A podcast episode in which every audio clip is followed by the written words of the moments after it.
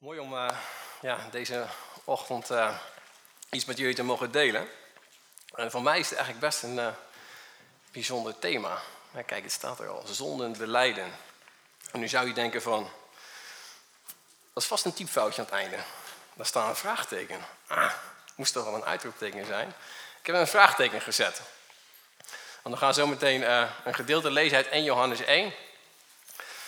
En dan wil ik echt in gaan zoomen op wat nou zonden beleiden is. Op welk moment je dat doet in je leven. En wat het nut is van zondenbeleiden.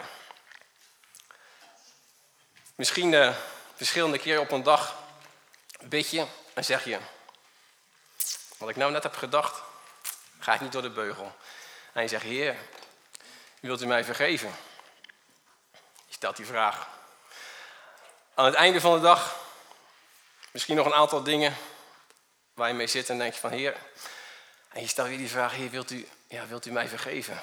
Ja, en eigenlijk, ik vroeg het gisteren ook al, maar toch, toch vraag ik het nog een keer. En de ene keer heb je misschien het idee dat je een soort van antwoord krijgt. De andere keer heb je misschien een idee dat je geen antwoord krijgt. En de nieuwe dag begint weer. En uh, het uh, herhaalt zich weer. Hetzelfde van gisteren gebeurt misschien weer en je stelt weer de vraag: Heer, wilt u mij vergeven? En op, op de ene kan het meer mee bezig zijn, maar je kan zo daar in je gedachten mee bezig zijn dat je eigenlijk de hele dag bezig bent met de fouten die je maakt. En de hele dag misschien om vergeving aan het vragen bent. In plaats van dat je denkt: Wow, ben ik al vergeven? Wat zou het antwoord nou zijn van Jezus op mijn vraag? Heer, vergeef mij. Is zijn antwoord nou, ja, kom morgen nog maar eens terug. Moet nog eens goed over nadenken. Of is zijn antwoord nou een volmondig ja? En als zijn antwoord een volmondig ja is, wanneer heeft hij dan dat antwoord op die vraag al gegeven? En dat is heel cruciaal voor jou en voor mij om dat echt te begrijpen. Want het gedeelte in 1 Johannes 1 wordt heel vaak, en zeker vers 9, wordt heel vaak op ja, zo'n manier uitgelegd dat alsof jij vergeving van zonden moet vragen voordat jij het krijgt als gelovige. En daarnet zongen we een heel mooi lied over het bloed van Jezus. Dat het bloed van Jezus jou reinigt van al jouw zonden. Nou, zometeen gaan we er in het gedeelte van 1 Johannes 1 verder naar kijken. En uh, ja, we gaan ook... Uh, bijzonder naar hoofdstuk 1 kijken, maar ook de eerste versen van hoofdstuk 2 en nog een aantal versen eh, die Paulus heeft geschreven over dit thema. Um, maar ik geloof dat God jou en mij deze ochtend antwoorden gaat geven op vragen die wij misschien uh, hebben. En dat we nog meer en meer in die vergeving gaan staan, in de positie die God ons heeft gegeven. Als we kijken naar, naar de eerste versen van 1 Johannes 1, en eigenlijk het hele hoofdstuk van 1 Johannes 1, ja, dan begint Johannes daar niet met een hele mooie groet aan de gemeente en uh, hoe geweldig hij ze allemaal vindt. Nee, hij probeert in het eerste hoofdstuk, heeft hij het tegen de ongelovigen. En dat denk je bij jezelf van, ja, hoe kan dat nou? Ik bedoel, uh, Johannes die, die schrijft toch een brief aan, aan gelovigen, aan christenen. Nee, in het eerste gedeelte, in het eerste hoofdstuk, spreekt hij in het bijzonder naar mensen die met een bepaalde leer in de gemeente zijn binnengekomen en die de gelovigen daarmee wilden beïnvloeden. En uh, wanneer we lezen, dan zegt hij in, uh, in vers 1, wat er was vanaf het begin, wat wij gehoord hebben, wat wij gezien hebben met onze ogen, wat wij aanschouwd hebben en onze handen getast hebben van het woord des levens. Want het leven is geopenbaard en wij hebben het gezien. En wij getuigen en verkondigen u het eeuwige leven dat bij de Vader is en aan ons is geopenbaard. En wat geloofden deze mensen, wat de gelovigen in die gemeente misschien wel geloofden? Zij geloofden niet dat Jezus God was en als mens naar de aarde was gekomen. Dus Johannes moet dat in eerste instantie even heel duidelijk stellen. Jezus is er altijd al geweest. Jezus heeft altijd al bestaan. En Jezus is als mens naar de aarde gekomen. Daar is geen twijfel over mogelijk, zegt hij tegen deze mensen. De gelovigen in de gemeente, dat is voor een gesneden koek. Dat is een waarheid die zij in hun hart hadden gesloten. Dat wisten ze, wat Jezus was komen doen. Maar er waren ook mensen die, ja, die dat op een of andere manier niet pakten en die het eigenlijk niet geloofden. Omdat hun iets anders werd geleerd. Dus daarom zien we in het eerste hoofdstuk van 1 Johannes 1 dat hij min of meer het evangelie aan het uitleggen is aan ongelovigen. Met als climax 1 Johannes 1, vers 9, waar we zo meteen bij gaan komen. Maar hij legt uit wie Jezus is en met welk doel Jezus is gekomen. Dat zien we in de volgende verse. Want dan zegt hij, wat wij gezien en gehoord hebben, verkondigen wij u op. Dat ook u gemeenschap met ons hebt. En deze gemeenschap van ons is er ook met de Vader en met zijn Zoon Jezus Christus. Dus hij zegt, het is juist door wanneer je tot geloof komt, ga je gemeenschap hebben met de Vader en met zijn Zoon. Ga je in diep intiem contact met hun staan. Dan krijg je een relatie met hun. En met dat je met hun een relatie hebt, heb je ook een relatie met je medegelovigen. Waarin je één bent in geloof, één bent in denken. En hij zegt, deze dingen schrijven wij u opdat uw blijdschap voorkomen wordt. Dus blijkbaar was hun blijdschap op dat moment, van heel veel mensen die nog niet geloofden, was hun blijdschap niet volmaakt. Was hun blijdschap niet op een niveau waar God van zegt, ik wil dat jouw blijdschap volkomen is, want ik wil dat jij een relatie hebt en ervaart met de Vader, met de Zoon en daarmee ook met de medegelovigen. Als christen kan je, je kan, ja, ja, ik zeggen, je kan niet geïsoleerd leven. Je zou geïsoleerd kunnen leven, hè, waarin je geweldig zegt van ja, ik ervaar een relatie met God de Vader, ik ervaar een relatie met God de Zoon en ik heb daar contact mee, ik bid en ik, ik word gevoed. Maar het contact met medegelovigen, wat hij hier zegt, is zo ontzettend belangrijk. En hij zegt tegen de mensen waar hij de brief aan schrijft, wanneer jullie niet in Jezus geloven, wanneer jullie niet in Jezus geloven als jullie redder, dan kan je zeggen en denken wat je wil, maar je zal nooit je relatie met God de Vader hebben en met God de Zoon, omdat je zijn kind niet bent. Maar uiteindelijk wil ik wel dat je mijn kinderen wordt. En zometeen is hij dat verder aan het uitleggen.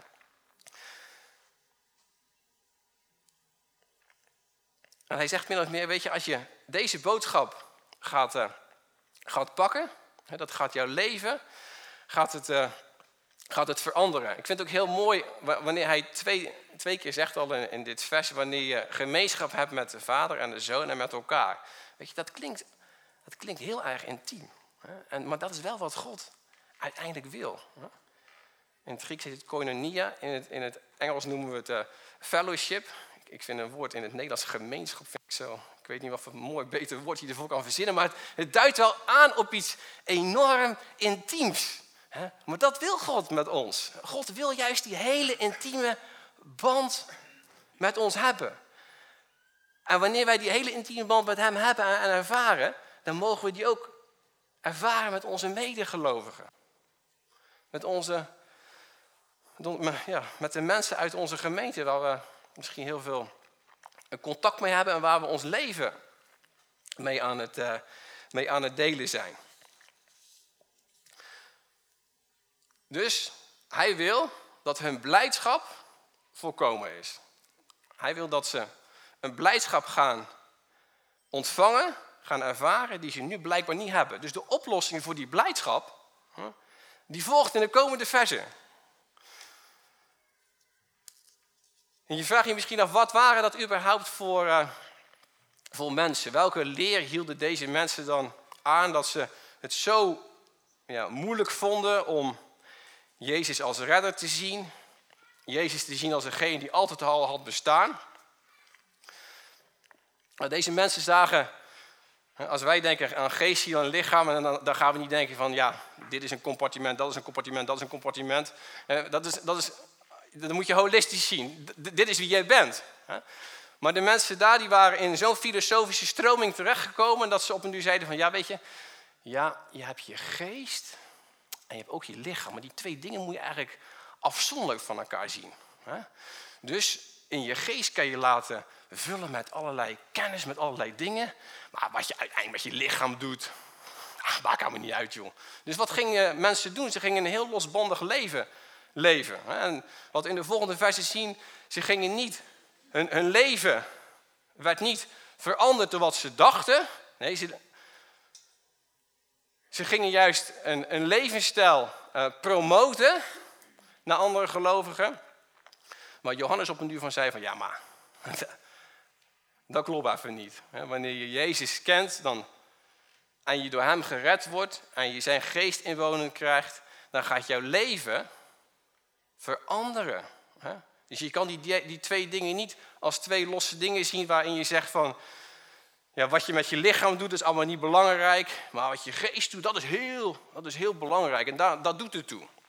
En daar, met dat idee maakt uh, uh, Johannes min of meer uh, een einde aan. En dan zegt hij in de volgende vers, dit is de boodschap die wij van hem gehoord hebben en aan u verkondigen, dat God licht is en dat in hem geheel geen duisternis is. Als wij zeggen dat wij gemeenschap met hem hebben en wij toch in de duisternis wandelen, liegen wij en doen de waarheid niet. Nou, als Johannes zegt van, als wij zeggen dat wij, hè, dan waren er dus blijkbaar mensen in de gemeente die zeiden, we hebben gemeenschap met God, we hebben fellowship met God, maar we wandelen nog steeds in het duister. Doesn't matter. En Johannes zegt, dat kan gewoon helemaal niet. Dat is onmogelijk. Wanneer je tot geloof bent gekomen, dan word je als het ware van de duisternis in het licht geplaatst. En dan bestaat het niet dat je werken van de duisternis als het ware blijft doen. Dat is onmogelijk, zegt hij. Want hij zegt, God die in het licht is, is niet in de, is niet in de duisternis. In hem is geheel geen duisternis. Wat hij eist van ons mensen is perfectie. Is volmaaktheid om met hem in fellowship te leven. Dat is wat hij van de mens vraagt. Ah, dat is moeilijk hè. Ja, hoe gaan we dat nou voor elkaar krijgen? zal Johannes dan nog een uh, soort van, ja, zal hij daar toch nog een soort van oplossing voor hebben? Of zal Johannes toch, uh, toch een beetje een andere apostel zijn geweest dan, uh, dan Paulus, die toch af en toe zei van, kom, schop onder jullie kont. Leef er nou naar! Maar hij heeft hier nog steeds tegen de, tegen de ongelovigen die zeiden dat ze er min of meer op los konden leven.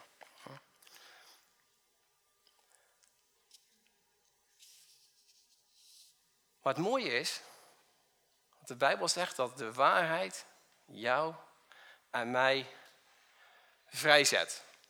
We gaan naar het volgende, de volgende vers. Weet je, die mensen die ontkennen, ontkennen dat ze zondig zijn en dat ze daarmee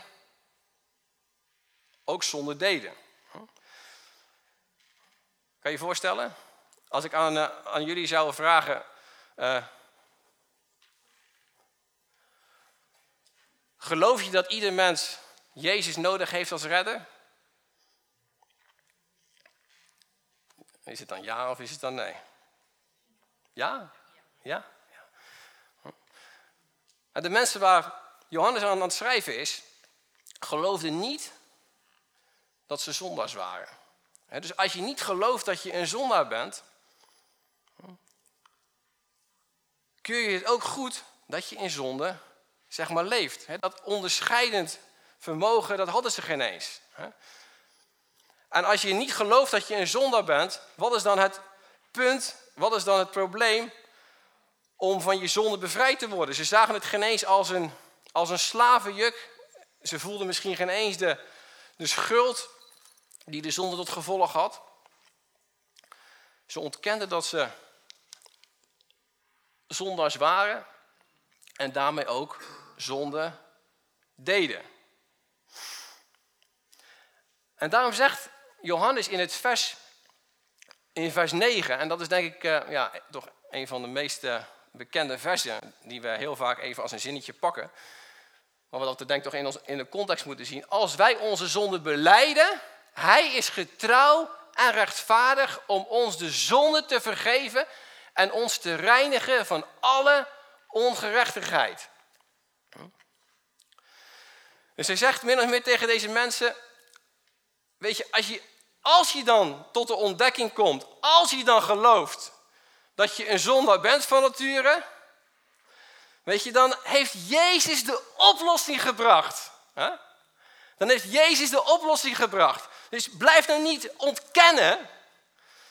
Blijf nou niet zo halstarrig. Geloof dat je een zondaar bent en daarmee wat je doet zijn ook zonden. En dan zegt Johannes, als je ze dan beleidt, dan is hij trouw en rechtvaardig om je te reinigen, om je te vergeven en te reinigen van alle ongerechtigheid.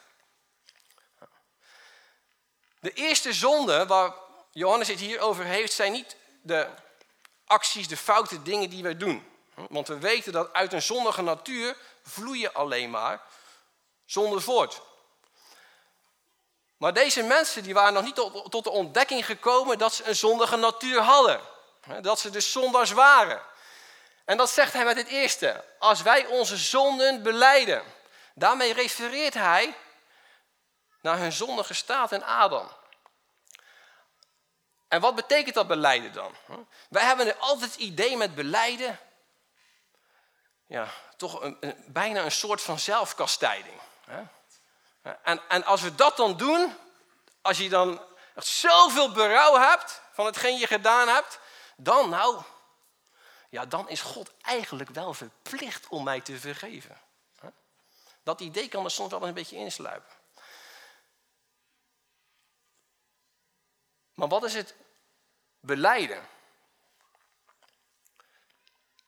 In het Grieks is het homologomen. En wat betekent dat? Hetzelfde zeggen, erkennen, beleiden als de ander. Wat is Gods idee van de mens zonder Jezus? Zijn zondaren. Ja. Dus wat, wat, wat moeten deze mensen denken? Ze moeten hetzelfde beleiden, erkennen als wat God denkt. Wij zijn zondaren en wij hebben Jezus nodig. En als ze tot die ontdekking zijn gekomen, dan komt de oplossing. Hij is getrouw en rechtvaardig om ons de zonde te vergeven en ons te reinigen van alle ongerechtigheid. Wow. Alle verleden, heden, toekomst. Nee, kom. Kan niet waar zijn. Dat, dat, is, dat is echt een, een overdreven emphasis op de genade. Nee, of toch wel? Even nog een keer lezen. Hij is getrouw en rechtvaardig om ons de zonden te vergeven en ons te reinigen van alle ongerechtigheid. Wauw. Ga nog even twee versen terug, naar vers 7. Als wij in het licht wandelen zoals Hij in het licht is, hebben wij gemeenschap met elkaar en het bloed van Jezus Christus, zijn Zoon, reinigt ons van alle zonden. Wat is nou hetgene wat jou en mij reinigt? Onze beleidenis. Even kijken of ik het goed heb gelezen hoor. Als wij in het licht wandelen zoals Hij in het licht is, hebben wij gemeenschap met elkaar en onze beleidenis in Jezus reinigt. Oh nee, toch niet. Nee, het bloed van Jezus, zijn zoon, reinigt ons voor alle zonden. Het is niet jouw beleidenis die jou reinigt. Het is het bloed van Jezus dat jou en mij reinigt van alle zonden. En daarmee sta jij zelf niet centraal. Daarom staat het bloed van Jezus centraal. Daarmee krijgt, het, krijgt Jezus de plek die hij behoort te krijgen.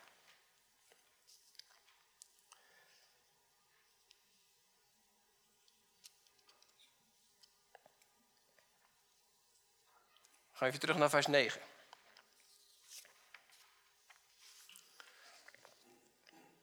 Als wij onze zonde beleiden, hij is getrouw en rechtvaardig om de zonde te vergeven, ons te reinigen van alle ongerechtigheid. Weet je, dit is hetgene wat gebeurt wanneer jij en ik tot geloof gekomen zijn. Dan komt er een moment in je leven dat je zegt, niet zozeer dat ik naar al mijn verkeerde dingen kijk, naar al mijn zonden kijk, die ik dagelijks misschien doe in de praktijk. Maar nee, ik ben een zondaar en ik heb Jezus nodig. Dit is jouw bekering. Het moment dat jij tot geloof komt. Dan beleid je dat jij een zondaar bent. En wat zegt Jezus dan? Dan ga ik jou reinigen. Want op het moment dat jij zegt, ik ben eigenlijk geen zondaar. Wat is dan het punt? Waar nodig je Jezus dan toe uit om te doen? Niks, want ik ben goed genoeg, ik doe niks verkeerd, ik heb u niet nodig. Dan heeft hij ook niks te reinigen. Maar op het moment dat jij zegt, ik ben een zondaar en ik heb Jezus nodig, wat zegt hij dan? Ik ben trouw en rechtvaardig. Dus in zijn rechtvaardigheid geeft hij vergeving. In zijn trouw geeft hij vergeving en gaat hij jou reinigen. Gaat hij jou schoonwassen. En gaat hij jou vergeven van alle zonde en van alle ongerechtigheid. Wow, die gaat echt wel, wel diep hè. Dus op het moment dat je tot geloof komt, zegt Jezus, ik ga jou helemaal schoonwassen. En wij maar iedere dag kijken van, mm, ben ik al een beetje vies? En Jezus zegt, je bent schoon. Je bent niet vies. Je bent schoon. Ik heb jou helemaal schoongewassen. Je bent helemaal rein voor mij. Niet een beetje.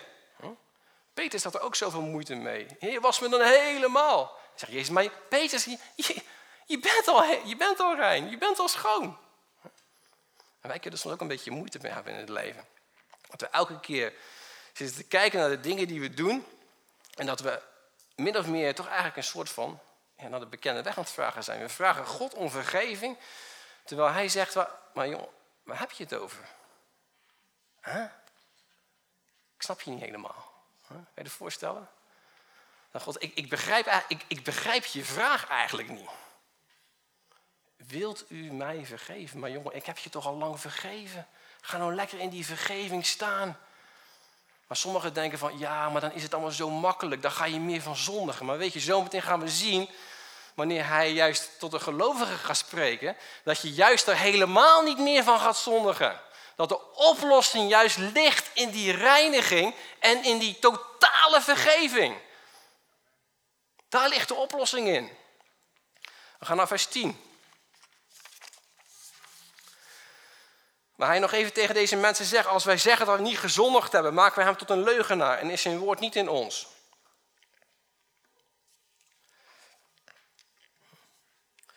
Uit je zondige natuur komt zonde voort. En dat is hetgene wat hij in de afgelopen versen heeft, duidelijk heeft gemaakt. Je hebt gewoon een redder nodig. Je hebt een redder nodig. En als jij zegt dat je hem niet nodig hebt, als je zegt dat je als het ware niet hebt gezondigd, ja, dan maak je hem tot een leugenaar. Want Jezus zegt, zonder mij ben je verloren. Maar omdat je verloren bent, wil ik jou juist redden. Wat zijn nou de implicaties als we uh, denken dat we pas vergeven worden wanneer wij het vragen.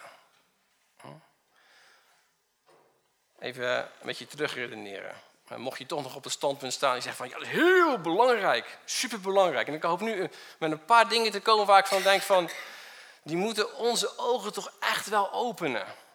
Het is niet dat wij zo makkelijk en zo simpel denken over de genade. Nee, wij willen Jezus op die plek brengen waar hij hoort. Waar hij wil zijn.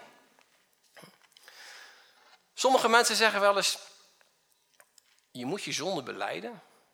Want als je je zonde niet beleidt, dan heb je geen gemeenschap meer met God. Ik zie wat mensen lachen, maar het is echt hoor. Dus je maakt een fout en dan zegt God gelijk, nu, moet ik echt niks met je hebben. En dan kom je naar hem toe en zeg je, vergeef, vergeef. Oh ja, kom, kom, kom, kom. kom. Wanneer Jezus zegt, het is eens en voor altijd, ga ik jouw zonde vergeven. Is dat hoe wij misschien met onze kinderen omgaan? Tuurlijk niet. Kom aan, dat is toch niet een liefdevolle vader? Dan is het ook van ons weer afhankelijk, en dat is het probleem wat ik ermee heb, dan is het ook van ons weer afhankelijk om het weer met God in orde te maken. Terwijl dat God al lang heeft gezegd, maar ik heb het al lang met jou in orde gemaakt. Ik heb het al lang met jou in orde gemaakt. Dus jouw beleidenis, jouw vraag om vergeving, die voegt er helemaal niks aan toe.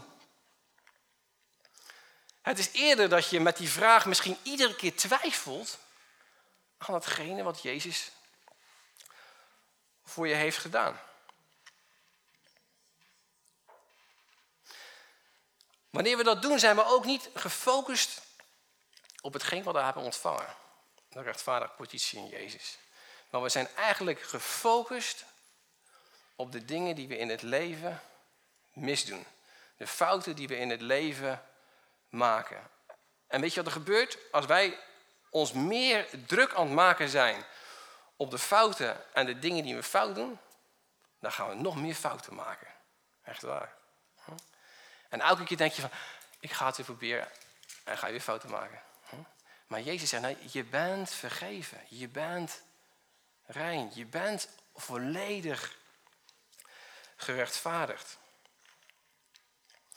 In Hebreeën zegt hij, ik zal je zonde en ongerechtigheden niet meer gedenken.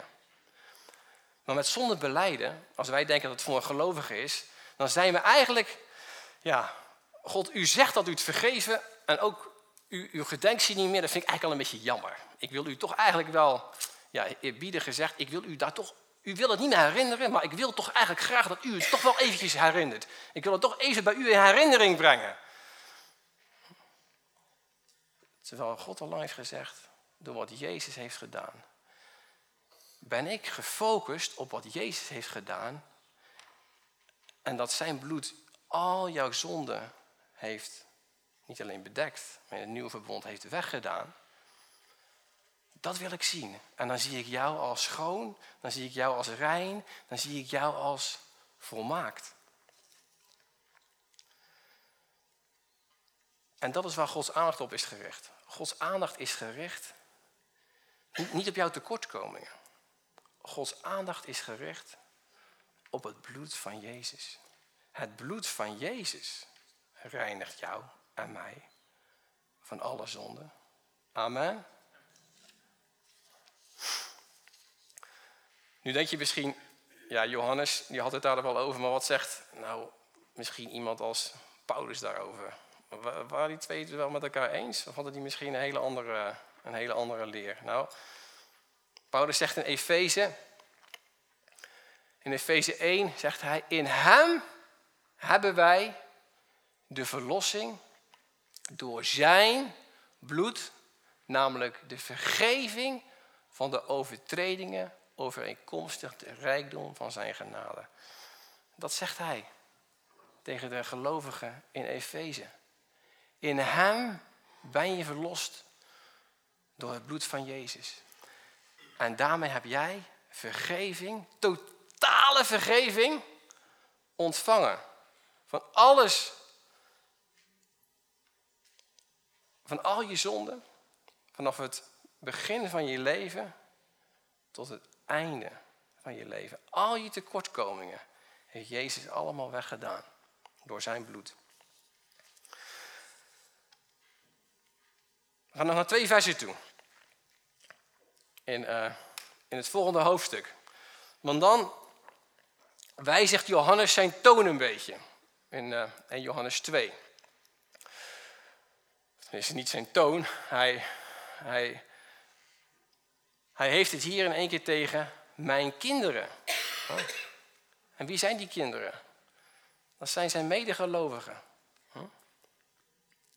Zijn medebroeders en zusters. Zijn medechristenen. Mijn kinderen, ik schrijf u deze dingen opdat u niet zondigt. Wow, hij zegt niet, maar jongens, als jullie zondigen, niet vergeten, even beleiden en dan maar even terugkomen naar God. Dan is het allemaal in orde. Nee, hij zegt, ik heb juist al deze dingen geschreven. En wat heeft hij net allemaal geschreven? Indien we onze zonde beleiden op het moment van bekering, is hij getrouw en rechtvaardig ons te vergeven en ons te reinigen van alle ongerechtigheid. Ik schrijf mijn kinderen op dat u niet zondigt. Dus dat heeft hij geschreven, ook aan hun. Met het idee, als je dit gelooft, als je dit pakt, dat Jezus je gereinigd heeft van alle zonden, dat gaat hij juist helpen in het leven om niet meer te zondigen. Omdat je weet dat je vrij bent. Dat je weet dat je gerechtvaardigd bent. Dat je weet dat Jezus je ziet als een rein iemand, als een schoon gewassen mens. Maar hij zegt erbij. En als iemand gezondigd heeft, wij hebben een voorspraak bij de Vader. Jezus Christus de rechtvaardige, vind ik zo mooi. Een voorspraak. In het Engels staat er advocaat. In het Grieks staat er parakletos.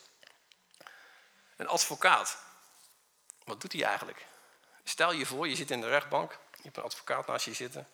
Sommigen van jullie zullen het misschien als meegemaakt hebben. En dan geef je een, een, duw tegen die advocaat. Dan zeg je, ik, ik, wil mijn woordje even doen. Ja, soms krijg je aan het einde, als je iets op te biechten hebt, nog naar de rechter. Misschien een uh, minuutje om nog te zeggen dat je het echt wel meent. Maar in principe doet die advocaat doet gewoon. Die doet het werk voor je.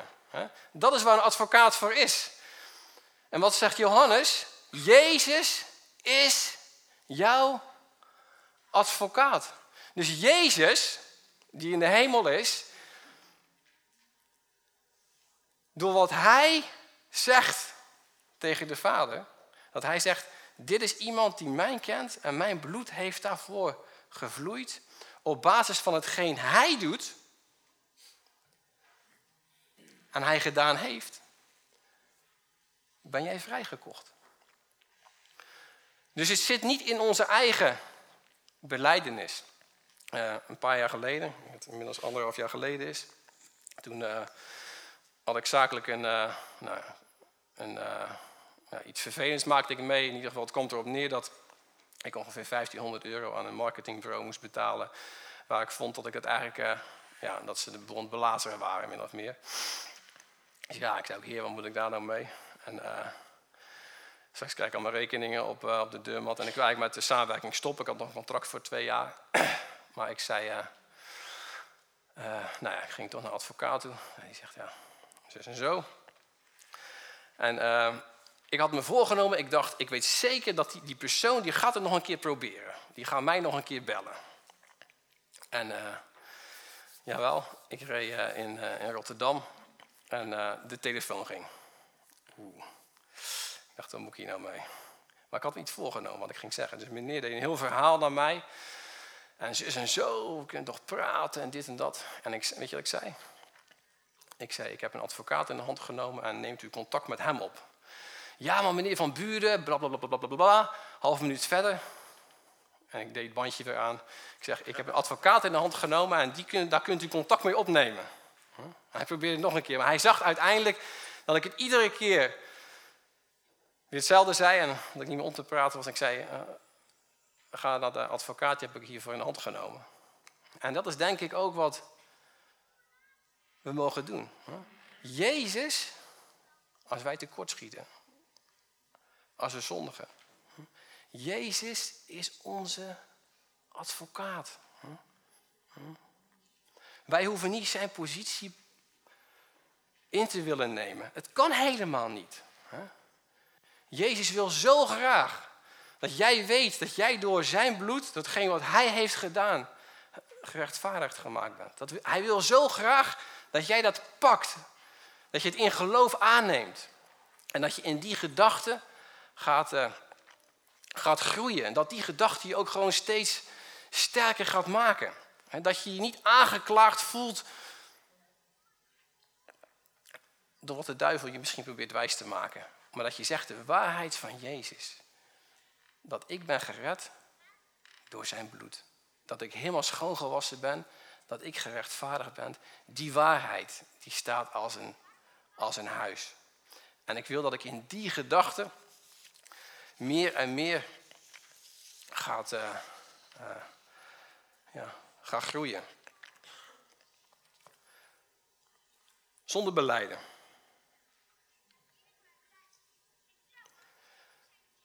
Heer, ik dank u dat ik al vergeven ben. Heer, ik ben het ermee eens dat het niet goed is.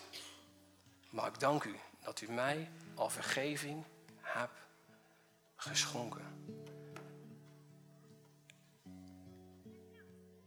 Amen.